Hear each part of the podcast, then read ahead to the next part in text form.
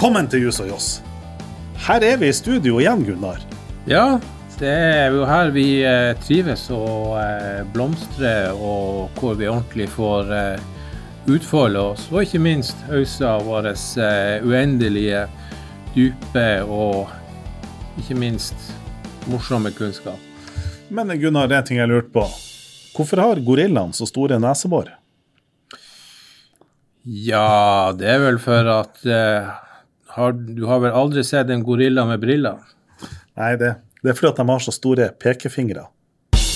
Nettopp, nettopp. Den, eh, den, den så jeg ikke komme. Dattera mi abonnerer på Søndagsskolebladet, og på hvert nummer på baksida der så kommer det da gåtene. Og, og jeg koser meg med dem. Fantastiske barnegåter. Men, eh, men eh, la, oss, la, la, oss, gå videre på jus og joss. Mm. Vi har da som vanlig så har vi med oss et par dommer, vi har et spørsmål. Og i koronatilstandene så har vi ikke med en gjest i dag. Mm. Dette er sesongavslutninga. Nå skal vi ta et, en liten sommerferie, og så er vi tilbake til høsten. Det blir bra. Det blir høsten bra. Eh, er vi jo allerede i gang med å planlegge, og vi kan selvsagt love et eh, program hvor vi tar og strekker oss enda lenger i å sette lyset på interessante juridiske problemstillinger med et humoristisk råblikk. Og ikke minst så håper vi at eh, denne koronaen da forhåpentligvis eh, er så svak at vi kan ta og om så fylle studioet med gjester. Vi strekker oss lenger for å gi deg det du trenger.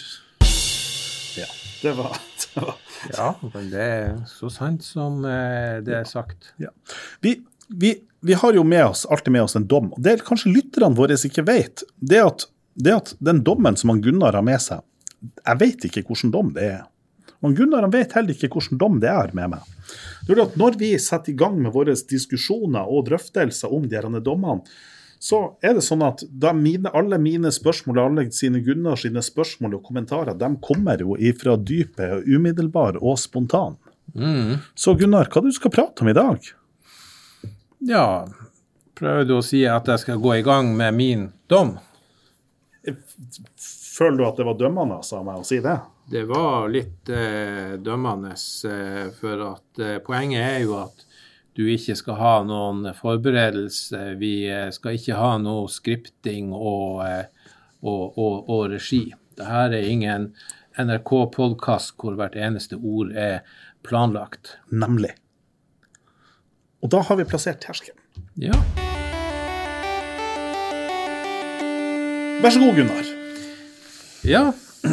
Tusen takk, Marius. Jeg er jo, eh, jeg er jo bestandig inspirert av samfunnet rundt meg. Og eh, det har vel kanskje ikke gått noen eh, særlig hus forbi at vi har jo hatt en, eh, en, en stor sak i, eh, i Stortinget i eh, den siste tida. Og den har jo da eh, hatt, hva vi si, sånn forventningsfullt forspill gjennom da politisk spill og alliansebygging. Og det jeg snakker om, er jo selvsagt den nye bioteknologiloven som gikk igjennom med knapt flertall. For de som er interessert i den, så eh, tar jo bioteknologiloven og eh, åpner for en eh, rekke muligheter. Vi skal ikke gå i dybden inn på det, men vi kan jo merke oss fra den politiske debatten da at Kristelig Folkeparti var jo sterkt imot bioteknologiloven. Og et av eh, Kristelig Folkeparti sine da store argumenter er at eh, å tillate da det som den nye bioteknologiloven åpner for, bl.a. vil åpne for at vi vil få et, et, et sorteringssamfunn. Og eh, det har jo da blitt satt på, satt på spissen på den måten at vi i fremtida så vil vi da få et samfunn hvor det blir født mindre, eller kanskje ingen, da barn med Downs syndrom. Og eh, det eh, fikk meg da til å falle i tanker For, for å begynne å diskutere politikk her, men, jeg- men jeg tror jeg skal vente, vente litt her. Vi skal, vi skal vente med det. Vi skal holde oss til, til, til jussen. Og eh, faktisk eh, så eh, er det ikke mer enn eh, syv år siden vi fikk en dom i Høyesterett som er knytta til dette her temaet, den såkalte fostervanndiagnostikkdom. Ja. Og det som var faktum i denne saken, var at ei kvinne, hun var for øvrig kunstig befrukta. Og hun eh, hadde da I eh, motsetning til å være gunstig befrukta. Ja, det er mange måter å, eh, å befruktes på. Det, det er sant, Marius, men eh, vi skulle ikke snakke politikk. Og eh, i korte trekk så hadde denne kvinna hun hadde fått psykiske skader etter å ha født et barn med Downs eh, syndrom. Og eh, hun krevde da erstatning for eh, denne psykiske skaden. Og eh, årsaken til at hun hadde fått denne psykiske skaden, ble begrunna i en svikt med helsehjelp. Altså krevde hun erstatning etter pasientskadeerstatningsloven fordi at hun ikke hadde fått tilbud om fostervannsdiagnostikk. Og hun hadde vel enda til eh, etterspurt en eh, slik eh, diagnostikk, men blitt nekta den. Og eh, da var spørsmålet for Høyesterett om en eh, skade, psykisk skade, som følge av at hun fikk et barn med, med Downs syndrom, om det var erstatningsmessig eller hadde, for å si det slik, erstatningsrettslig vern. Og da, er, og da er vel utgangspunktet pasientskadelovens paragraf eh, 1, 2, 3 og 4, hvor man da sier at at man yter yt skade for er- erstatning som skyldes svikt ved ytelsen av helsehjelpen. Og da er vel første spørsmål skjedde en svikt ved ytelsen av helsehjelpen. Ja. Eh, det er helt eh, korrekt, Marius. Og eh, det er faktisk ikke da eh, tvil om at det var et eh, brudd på helse, pasientskadeerstatningslovens paragraf 2a. Ja. At det var en eh, aktuell svikt. Og det handla vel den svikten kanskje om at hun hadde bedt om det og ikke fått det. Ja, Ja. ja. det, det, det var det. Og eh, Høyesterett eh, de tar også eh, går et skritt tilbake når de skal eh, vurdere om denne dama skal få erstatning for denne svikten i helsehjelp som gjorde at hun fødte et barn med Downs eh, syndrom. De gikk et skritt tilbake til den såkalte steriliseringsdommen. Husker du den, Marius? Det gjør jeg. Det gjør jeg. Det var, det var han som fikk en sønn som han kalte Skade. Ja. Og eh, eh, du kan jo si at eh, i så fall så ville jo det være et ganske misvisende navn, fordi at Høyesterett var ikke enig om at det var en skade. Høyesterett mente at det her var en gledelig begivenhet. Nemlig. Man kan ikke kreve erstatning for et friskt barn, var vel det. Altså Man kan ikke anse et friskt barn som en skade. Nei, men eh, det forhold at han eh, trodde at han var sterilisert, men at eh, mann eller dama med kniven ikke hadde vært grundig nok, det mente han eh, var et eh, eh, var altså svikt i den Ja. helsehjelpa. Ja. Men det, som jo, men det som er det rettslige poenget i den dommen, det er jo det at man da sier at dette ikke er en erstatningsbetingende skade. Man sier at ja, her har det på en måte muligens skjedd en svikt ved at steriliseringen var mislykka, selv om at vel ikke det er opplagt. Men så blir, sier man det at det likevel ikke får erstatning for det. Og det er litt ut av den samme problemstillingen som vi også diskuterte i den um, um, vi, sexarbeiderdommen. Ja. ja.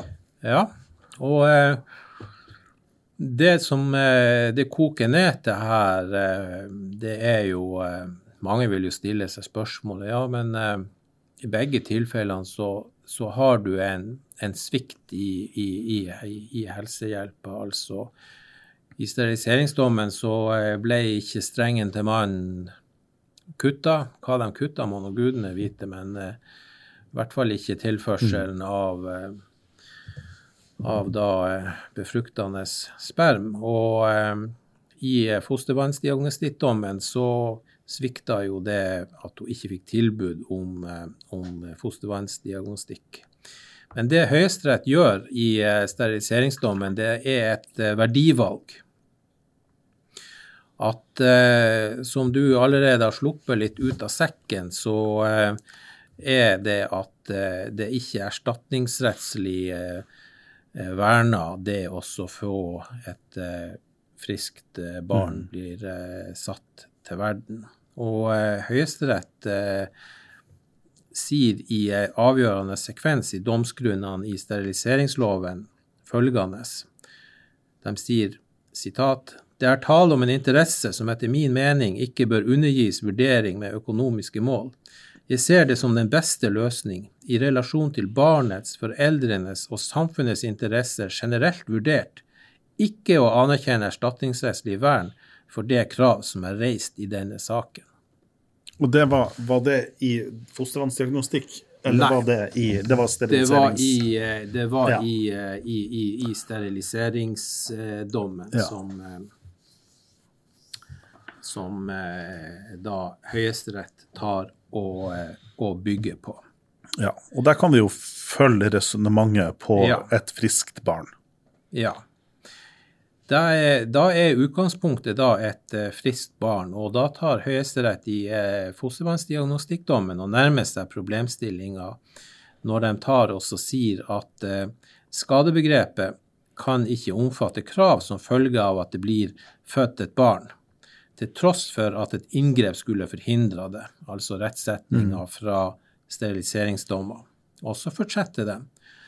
Også en psykisk skade som den eh, mora ble påført, må i vid forstand sies å være en følge av en eh, slik eh, fødsel.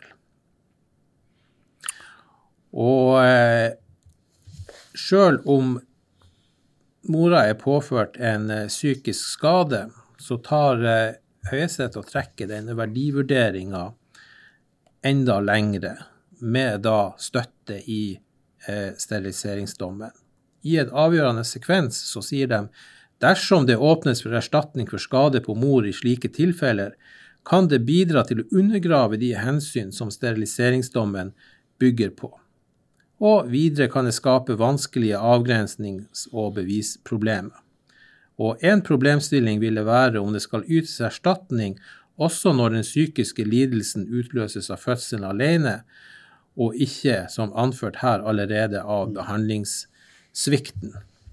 Og det er, som Høyesterett sier, vanskelig å skille mellom disse tilfellene. Og eh, i da eh, premiss, det, det konkluderende premisset så sier Høyesterett med ei setning bare en samlet avveining av disse hensynene tilsier at et krav med så nær tilknytning til en fødsel av et barn ikke bør undergis vurdering med økonomiske mål. Igjen så kjenner jeg liksom at jeg, jeg, jeg, har, jeg har litt sånne problemer med Høyesterett sitt, sitt resonnement og, og slutninger her. Ja, eh, det kan du gjerne ta også, eh, også si. Men eh, her tror jeg at eh, hvis vi holder øye på at Høyesterett eh, tar ikke her og egentlig gjør skarpkanta juridiske vurderinger. Høyesterett er langt ute i, Mm, i de verdivurderinger gjør det. og de trekker opp en grense for det erstatningsrettslige vernet i slike eh, saker. Men, men, men la oss, la oss, la oss eh, la, meg, la, meg, la meg presentere et faktum til deg som, som ligner på det her.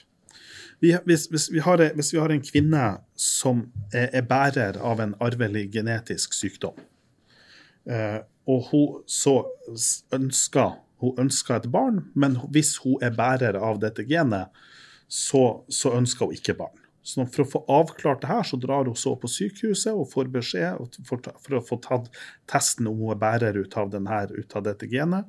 Uh, og, og, så um, skjer det da en svikt ved sykehuset sin, sin prosedyrer som gjør at hun da feilaktig tror at hun ikke er bærer.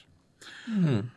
Og så føder hun da et barn, og det barnet er da, er da, multi, altså multihandikappa. Som da gjør at hun da får et, et, rent økonomisk tap gjennom ombygging av bolig, gjennom, altså gjennom at altså hele de, den økonomiske påvirkninga det å få et multihandikappa barn kommer inn. Og så kommer hun da til deg og så sier hun, Gunnar, du som, du som jo kan de her tingene. Burde, burde, Her er det klart at her har det skjedd en svikt ved ytelsen av helsehjelpa. Og det har gjort at det har blitt født et barn. Dette barnet er elska, det er ønska, jeg er veldig glad i dette barnet. Men her er det en økonomisk kostnad. Hadde jeg visst om dette, og derfor så oppsøkte jeg, så ville jeg ikke få dette barnet. Hvis vi da bruker den, den regelen og det premisset som Høyesterett sier i fostervannsdiagnostikk og steriliseringsdommen, så vil man si at, at nei, fordi at det fødes et barn, så kan man på en måte ikke knytte Så vil det på en måte ikke være erstatningsbetingende. Fordi mm. at man på en måte sier at det er et, et menneskeliv. Men dermed så er jo det man da gjør, det er at man tar den, den svikten ved ytelse av helsehjelp, altså det, det, økonomiske tapet som den familien får, da er det den familien alene som vil bli bærende med det økonomiske tapet.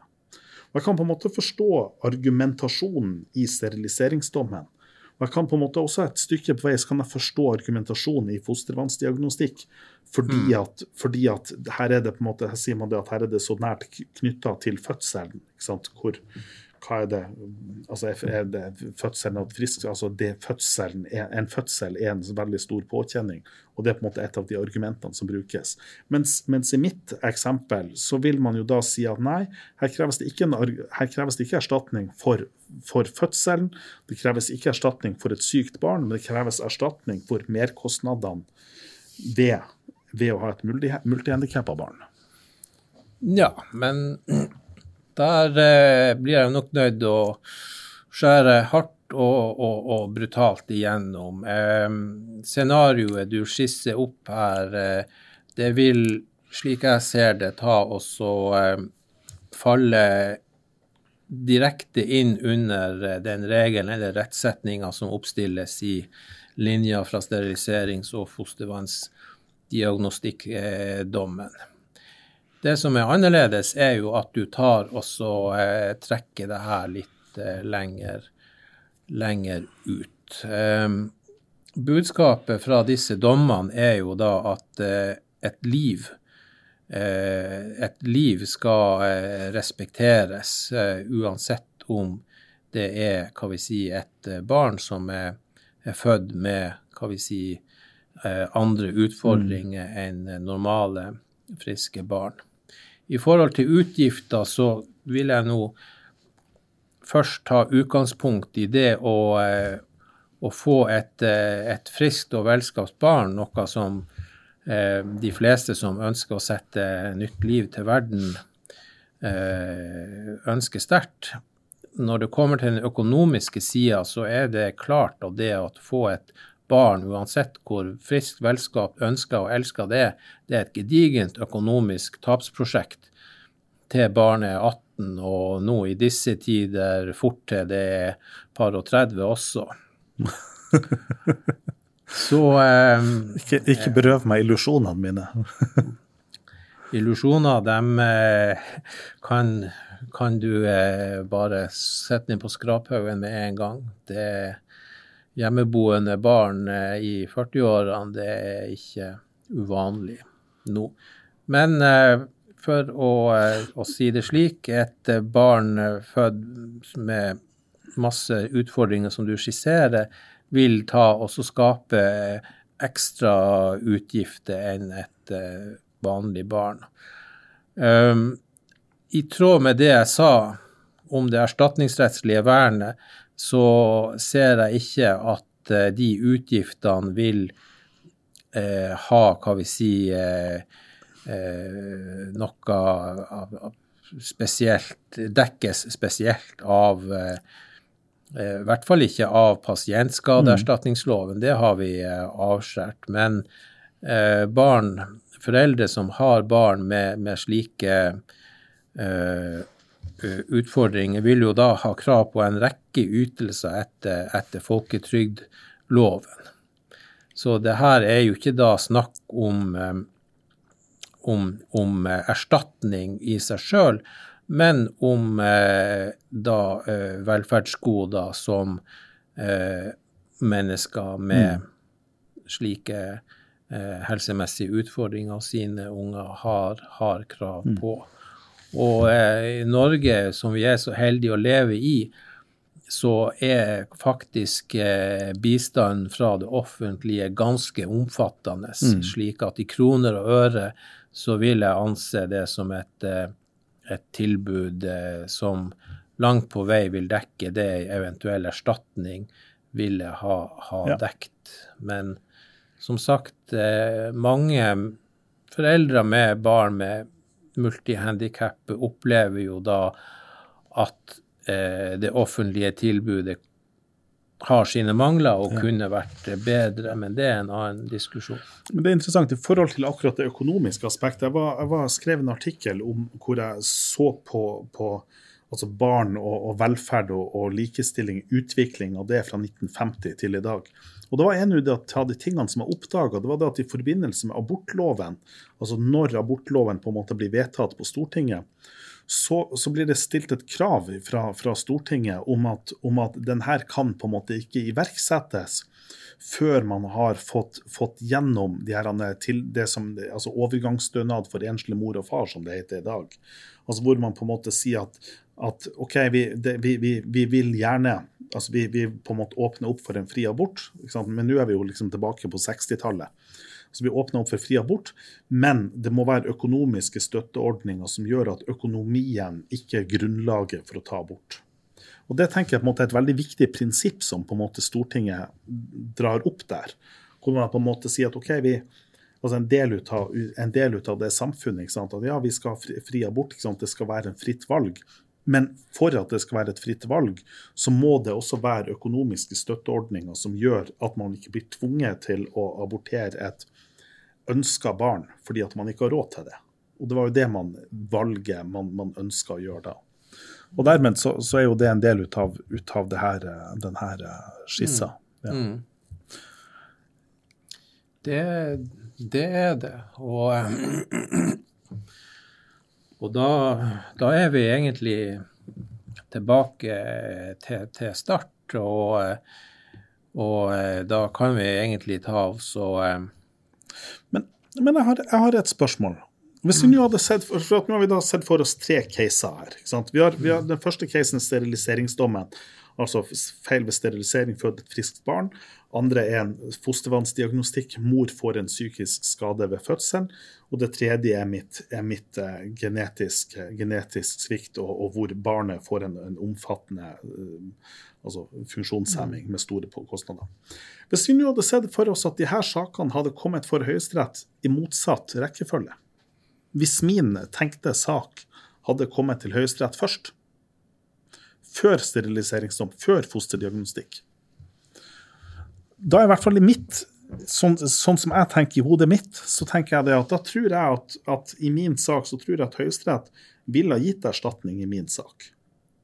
Hmm. Men dersom den kommer til Høyesterett i denne rekkefølgen som de er kommet, så tenker jeg at, at, da vil de være Da er jeg enig med deg i at, i at man må ikke vil gi erstatning i min sak. Men at, men, men at man har på en måte laga til en rettsregel som, som blir litt ja, Som blir litt rar. Ja. Tror du jeg, tror du jeg tenker feil? Uh, jeg holder den uh, løsninga åpen, men uh, samtidig så vet vi jo for det første ikke i det scenarioet du setter opp, om eh, Høyesterett ville ha resonnert eh, likens. Ja. Eh, mange vil jo være enig i det verdivalget Høyesterett har, har gjort, og vil resonnere slik at eh, uavhengig av hvordan man snur og vrir på disse problemstillingene, så vil likevel det koke ned til et eh, verdivalg. Og man vil da kanskje både håpe og prognostisere at Høyesterett vil komme fram til, til samme resultat. Men eh, jeg vil eh, likevel ta også komme deg i møte der, Marius, og si at eh, jeg er ikke så 100% sikker på det. Jeg vil holde det åpent om Høyesterett ville komme til et annet resultat ja. enn det. Men spørsmålet er om de ville komme til, til et, et, helt motsatt eh, resultat. Og der skulle vi ha tidsmaskinen vår. ja, skulle vi ha den, ja. Da skal vi gå over til spørsmålet. Ja. Og spørsmålet er som følger um, Altså Jeg skal selge et dødsbo med to arvinger, der den ene skal være interessert i å by på huset som skal selges på det åpne markedet. Nå har hun funnet ut at hun kan påberope seg forkjøpsrett som arving uten at det er nedfelt i testament eller skjøte. Stemmer det? Vedkommende som spiller spørsmålet, har ikke funnet et ord om det i arveloven. Mm. Hvor vi skal begynne å resonnere på det her, da, Gunnar? Ja, jeg tenker at um, først må vi se litt på uh, Her er det jo et, et, et dødsbo. så um, Det som er litt spesielt her, som gjør at man stopper litt opp, er at du har da en tydeligvis en såkalt eh, skiftefullmektig som er inne i bildet her. Du, sier, den sier at jeg skal selge et dødsbo. Jeg tror at den som sier jeg, det er, det er, jeg tror det er en eiendomsmegler som har stilt spørsmålet. Ja, riktig. riktig. Sånn at eiendoms, Her har de på en måte fått, fått, saken på bordet, og plutselig, så er, når man er i gang med salget, så begynner det plutselig å dukke opp litt sånn rare Så sier plutselig ned at ja, og er forkjøpsrett, du må liksom legge det på ut på, på, på, på eh, prospektet at det foreligger en forkjøpsrett. Og så sier den andre nei, men hvis du legger det ut på prospektet at det foreligger en forkjøpsrett, så vil jo det påvirke verdivurderinga i markedet. Hmm. Komplisert er det for deg nå? Ja, nå eh, Nå tok du og, eh, og, og, og kompliserte, kompliserte det, det, det litt. Eh. Ja. For altså utgangspunktet så er det jo sånn at, at man kan jo tenke seg det at hvis sant, det foreligger et testament, og ved et testament så kan du på en måte altså man kan på en måte der gi en type forkjøpsrett, vil jeg tro. Mm. Eh, det tenker jeg må være, være uproblematisk. sånn at Det er det ene grunnlaget. Det andre grunnlaget man tenker seg det at, at hvis man anser dette, døds, altså dette huset som et sameie mellom de to arvingene, så vil man også kunne si at etter sameieloven sine regler så vil det kunne foreligge en, en forkjøpsrett. Men jeg er, ikke, jeg er, ikke, overbevist om at sameieloven sine regler vil komme til anvendelse. fordi at de her to, Det oppstår jo et sameie i dødsboet, men ikke nødvendigvis i huset. Um, og så, men så er det sånn at men dødsboet det skal jo da kvitte seg med altså Dødsboet plikter jo da å selge unna, altså selge unna huset.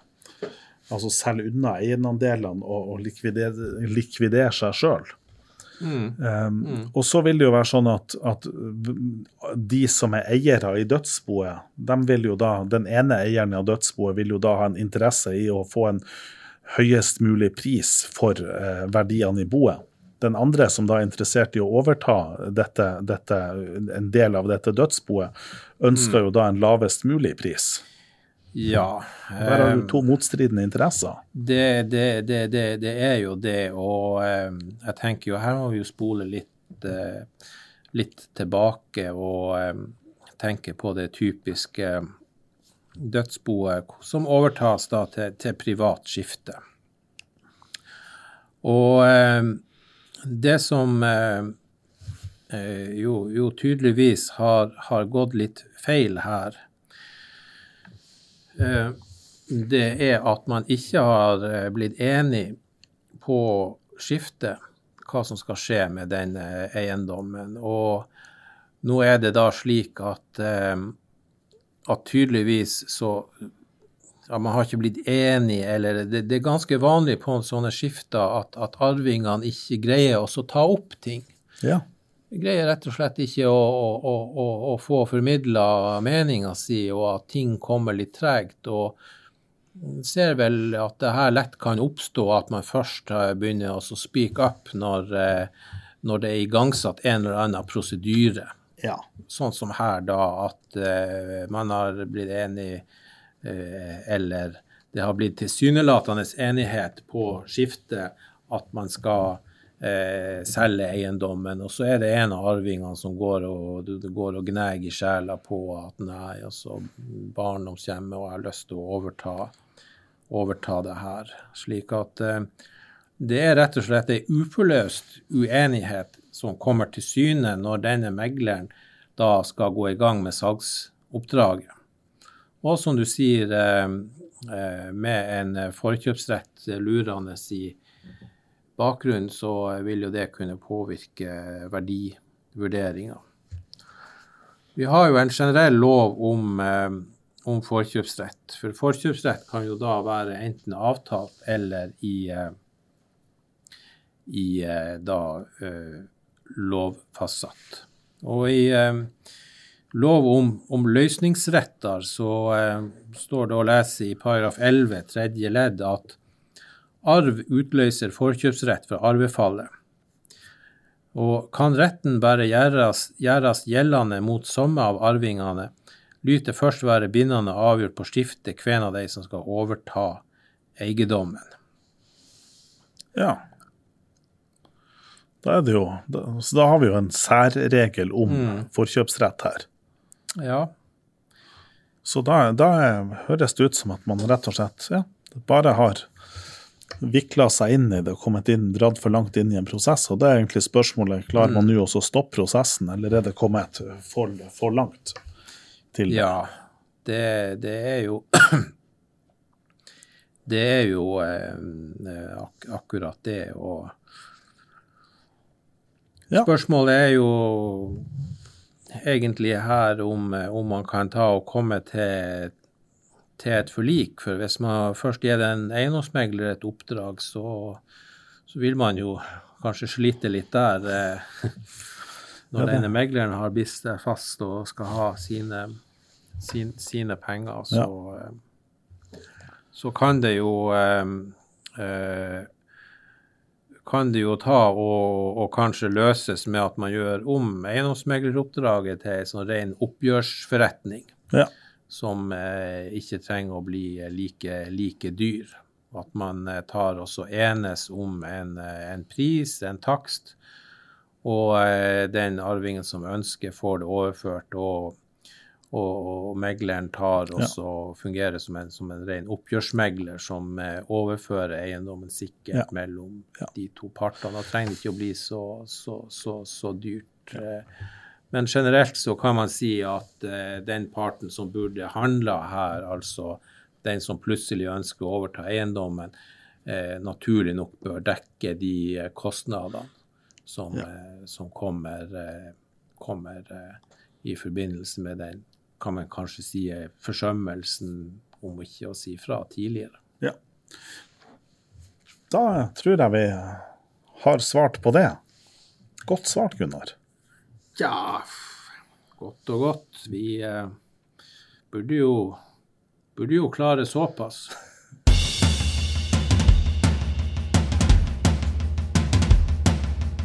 Ja, da eh, har vi kommet fram til denne episodens eh, trolige eh, høydepunkt.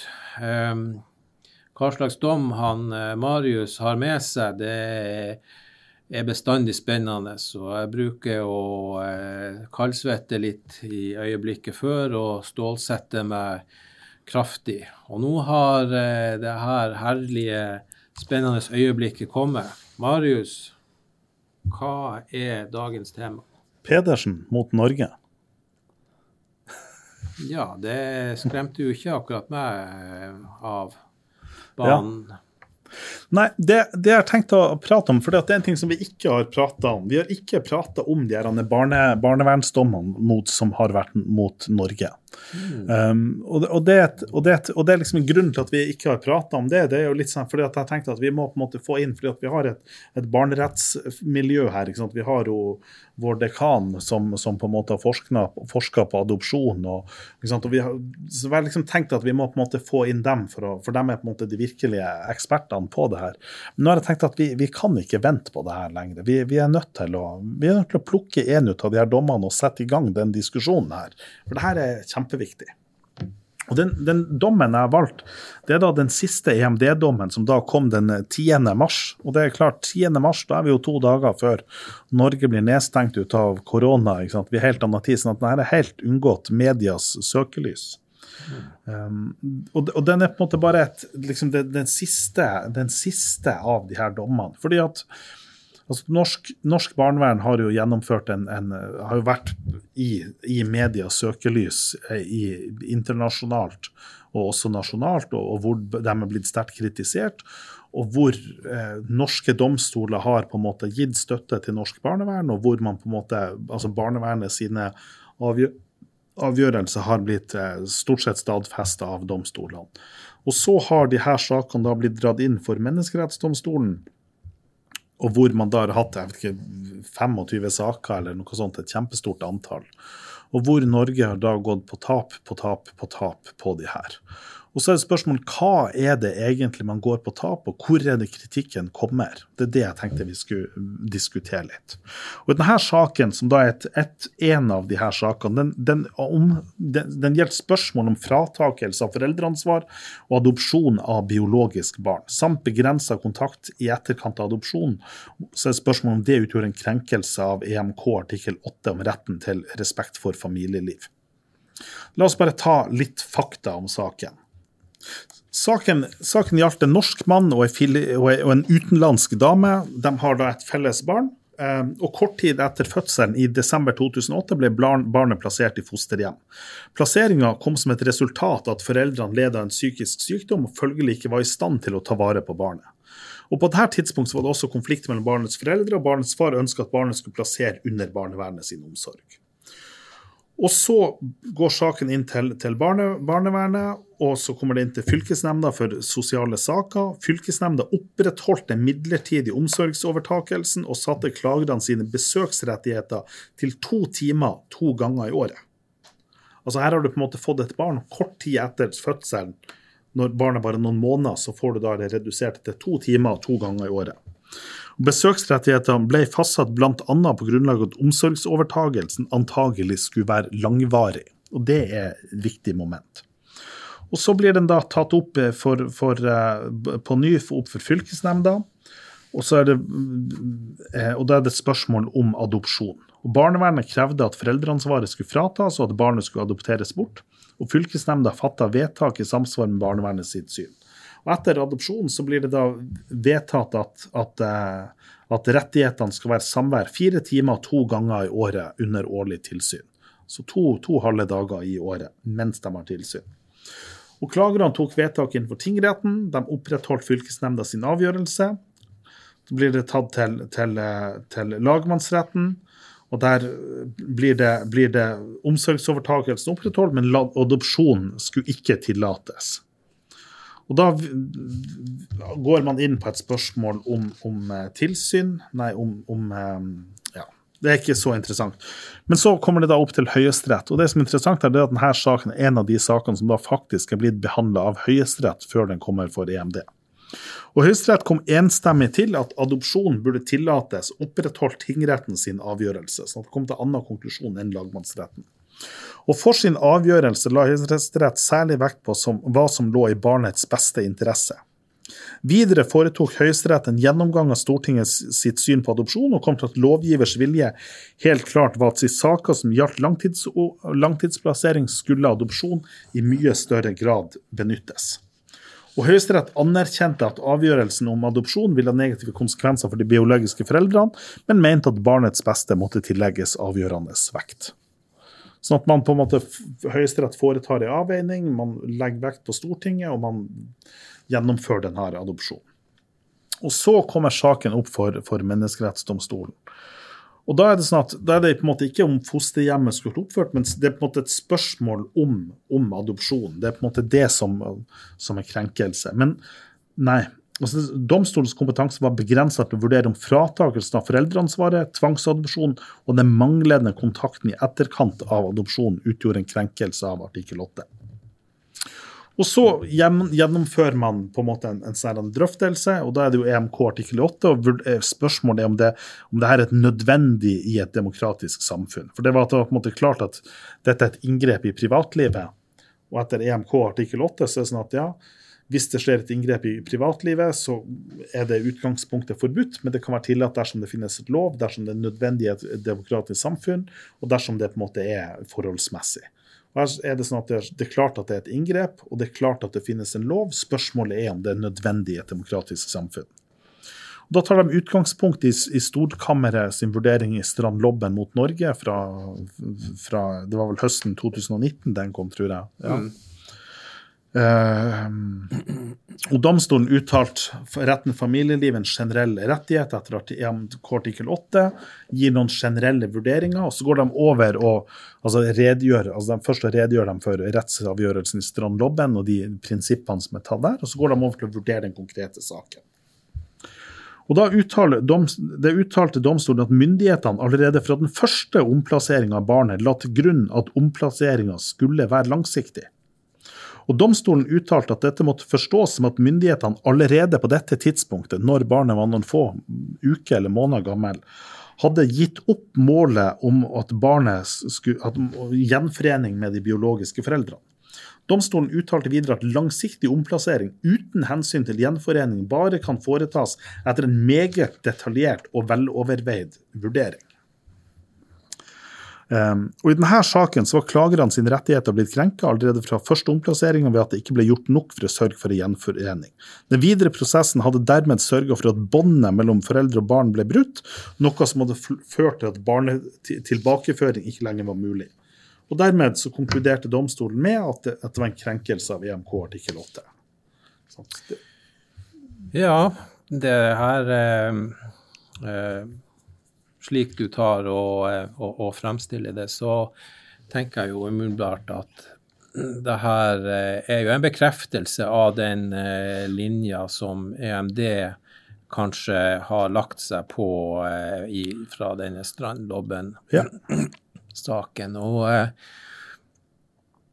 um, som, som, en som hva vi si, ikke driver med, med barnerett, så har jeg i hvert fall eh, vist såpass interesse at eh, jeg kan i hvert fall si hva jeg tror om det her. Ja. Det jeg det. tror er, er, jo for det første at eh, at EMD og kanskje Norge eh, det at eh, Norge dømmes i EMD, eh, det, det, det, skyldes da at vi kanskje har en, en både en kulturell og en rettskulturell eh, forskjell. Interessant. Enig. Og eh, jeg tror at vi kan si at eh, i Norge så har eh, nettopp det her hensynet til barnets beste Altså det har hatt det har vært altså dyrka i det norske rettskulturelle laboratoriumet og vokst til en eh, organisme som ikke er kompatibel med eh, noe tilsvarende ellers i Europa. Og mot det så føler jeg og tror at eh, det biologiske prinsippet har blitt nedskrevet og devaluert i verdi i mm. norsk rettskultur, norsk rettspraksis om det her, mens det i Europa står veldig sterkt nemlig. Der, og det er jo interessant, fordi at i Norge, altså vårt perspektiv er at vi ser dette barnet. Hva er det beste for dette barnet? Og så ser vi det at vi har disse foreldrene.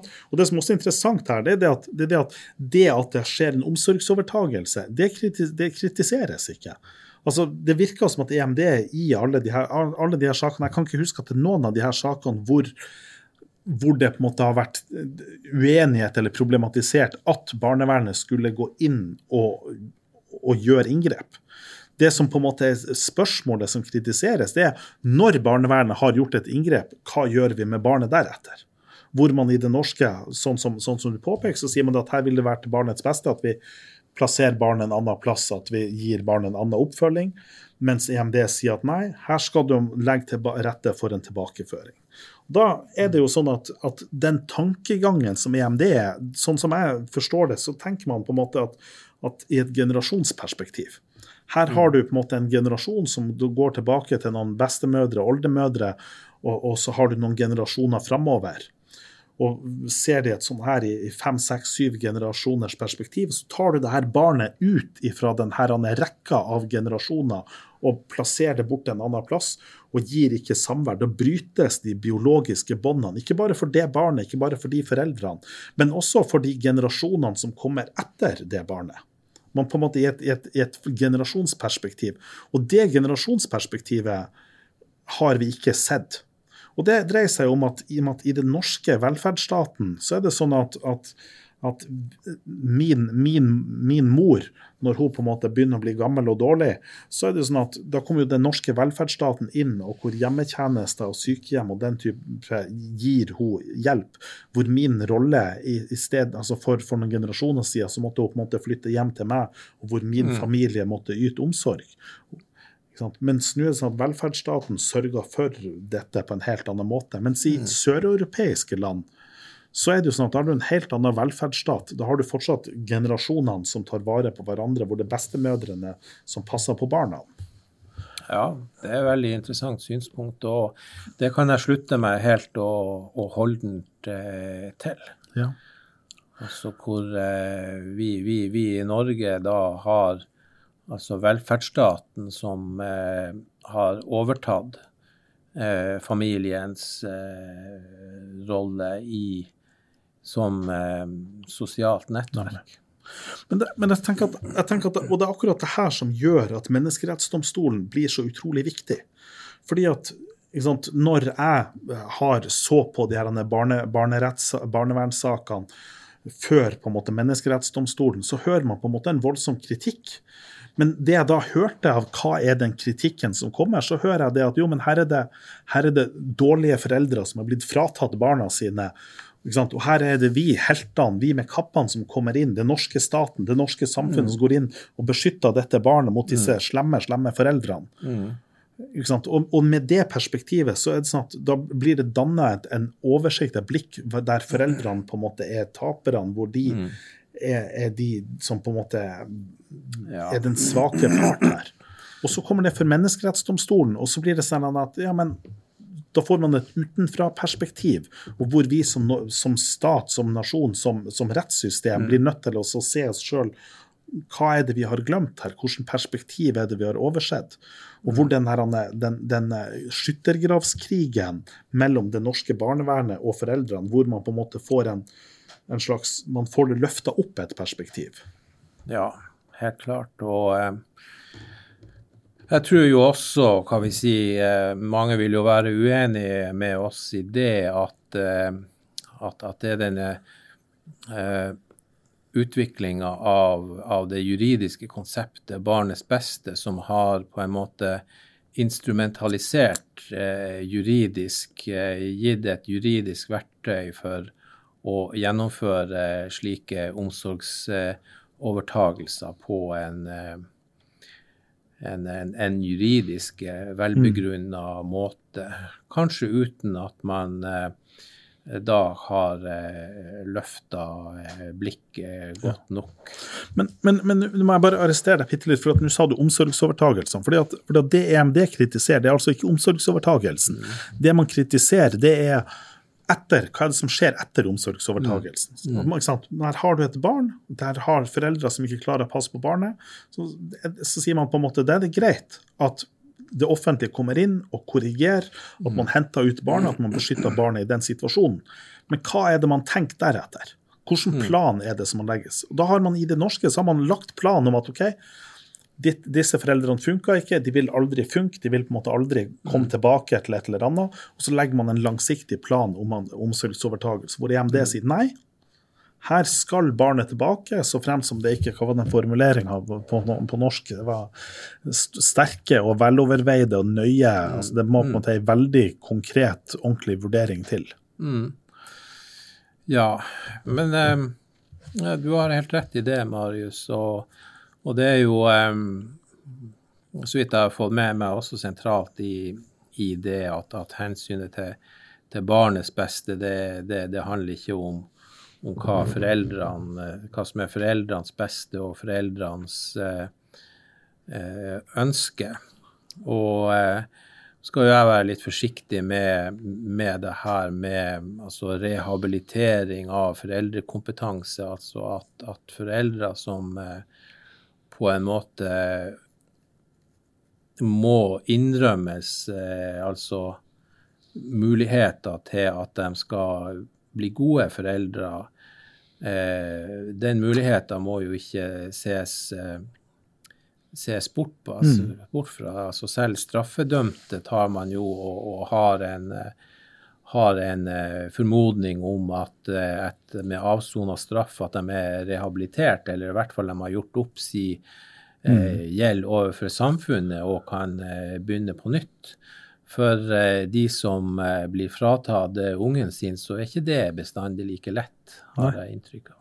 Nei, det er og det, og det, her er jo en, er jo en kjempe, kjempekrevende Men det er klart, men det som, det som, på en måte er, det som er bra med det norske systemet sånn som det har fungert, det har vært at man henter barnet ut fra familien, og barnet får jo da en ro. Barnet får en stabilitet. Barnet får man på en måte barnet skal nå bli værende i dette fosterhjemmet eller adopsjonsfamilien uten at det blir en tilbakeføring. Og Det er jo en forutsigbarhet. Mm. Mens det man på en måte nå legger opp til, det er det at ok, her får det en omsorgsovertakelse, og så er barnet da plassert i limbo. Barnet er da plassert mm. i dette fosterhjemmet eller hvor det er, mm. og så er, er da historie hele tida at ja, vi håper at vi skal jobbe for at du skal komme tilbake til mamma og pappa. Mm. Um, og så blir det, og det vil jo på en måte gjøre at, at denne, denne, usikkerheten for barnet vil kunne bli større. Og så er det spørsmålet hvem skal barnet knytte seg til, og, og hva, hva, hvilke skader gjør dette med barnet. Og det er jo en del av disse, disse argumentene som har vært mm. sentralt i den, i den norske ja, offentlige debatten. Ja. Det er jo absolutt eh, slik du sier det. Og, og hvis vi diskuterer med de som er virkelig eksperter på, på, på det her, så, så, vil man jo fort bli fnyst til oss, og det blir vist til at, eh, og, at tilbakeføring har eh, eh, skadepotensial og risikoer og sånt, og at det her er for lett å ta også eh, og, og, og eh, fortape seg i eh, romantiske forestillinger om at den biologiske familien er alltid den beste, og så blir slenges det gjerne på med noe forskning av psykologer og slikt. Men, men, men, det her, er interessant, fordi at, fordi at sant, sleng på med forskning av psykologer. og det er, det, det er helt, jeg er helt enig i utsagnet. Og her er Problemet det er det at vi som jurister, når vi kommer inn, en, vi kommer inn som dommer i en rettssak, her får du en barnevernssak, så oppnevnes det en sakkyndig, som gjerne er en psykolog. og Sakkyndigen gjør, basert på sin faglige kunnskap, en vurdering og legger fram en rapport til domstolen. og Så er det spørsmålet når psykologen sier at nei, her vil barnet bli skada av å bli tilbakeført. Så tenker vi at ja, OK, da må vi jo forholde oss til det. Men så er det spørsmålet hva er det faglige grunnlaget psykologen har for å si det her? Jo, den støtter seg jo da på psykologisk forskning om tilknytning, tilknytningsprinsippet, barnets tilknytning. Men så viste det seg det at denne psykologiske forskningen om barnets tilknytning, her er psykologene delt. Her er det liksom ulike psykologiske retninger og hvor det er noen som da på en måte legger en veldig stor vekt på dette tilknytningsprinsippet, og har lagt så stor vekt på det at det har vært et NOU, et lovforslag, som sier at man burde innføre et nytt prinsipp i, i barnevernsretten om, om det tilknytningsprinsippet. Men så har deler av det psykologstammen de har skutt det her ned og sier at ja, dette er ikke så enkelt. Avgjørende må være barnets beste, og en del av barnets beste-vurderinga er tilknytninga. Så jeg har, jeg har, faktisk begynt på et forskningsprosjekt på akkurat det her, sammen med en, med en psykolog. Det er jeg veldig glad for å høre, Marius. Da eh, regner jeg med at dette eh, spørsmålet er i det beste hender, og, eh, og eh, som jeg jo også anser hva vi sier, ut fra, fra min magefølelse, som jeg jo stoler på ettersom magen min er større enn hjernen, at uh, det her er viktig og riktig å få belyst. Ja. Og det jeg tenker, her vet vi ikke ting. Det er det vi prøver å finne ut. Hva, hva er det sakkyndige sier? Hvordan er det de her sakene faktisk løses? Hva er det tingrettene sier? Hva er kvaliteten over de her avgjørelsene? Følg dommeren bare den sakkyndige sin vurdering? Hvem er disse sakkyndige? Følg disse sakkyndige noen ideologier? Hva, hva er greia? Og dette vet vi ikke noe om. Dette må vi finne ut av. Så kjenner jeg meg rett, så kommer vi tilbake til det her senere jeg håper og tror at vi kommer tilbake til det her, for at eh, en ting som jo er viktig og riktig å gjøre, det er jo også å formidle forskningsresultater. Og eh, jeg skal eh, ta og huske på det her og sørge for at vi kommer tilbake til det, for det blir viktig og riktig å følge opp. Da, folkens, folk dere ha en god sommer. Vær snill med hverandre. Vær snill med ungene deres. Ja. Eh, Gjør noe artig. Dra på en tur. Ja. Ro. Fisk. Nyt den nordnorske, eller norske, sommeren. Absolutt. Men eh, ikke glem å vaske hendene.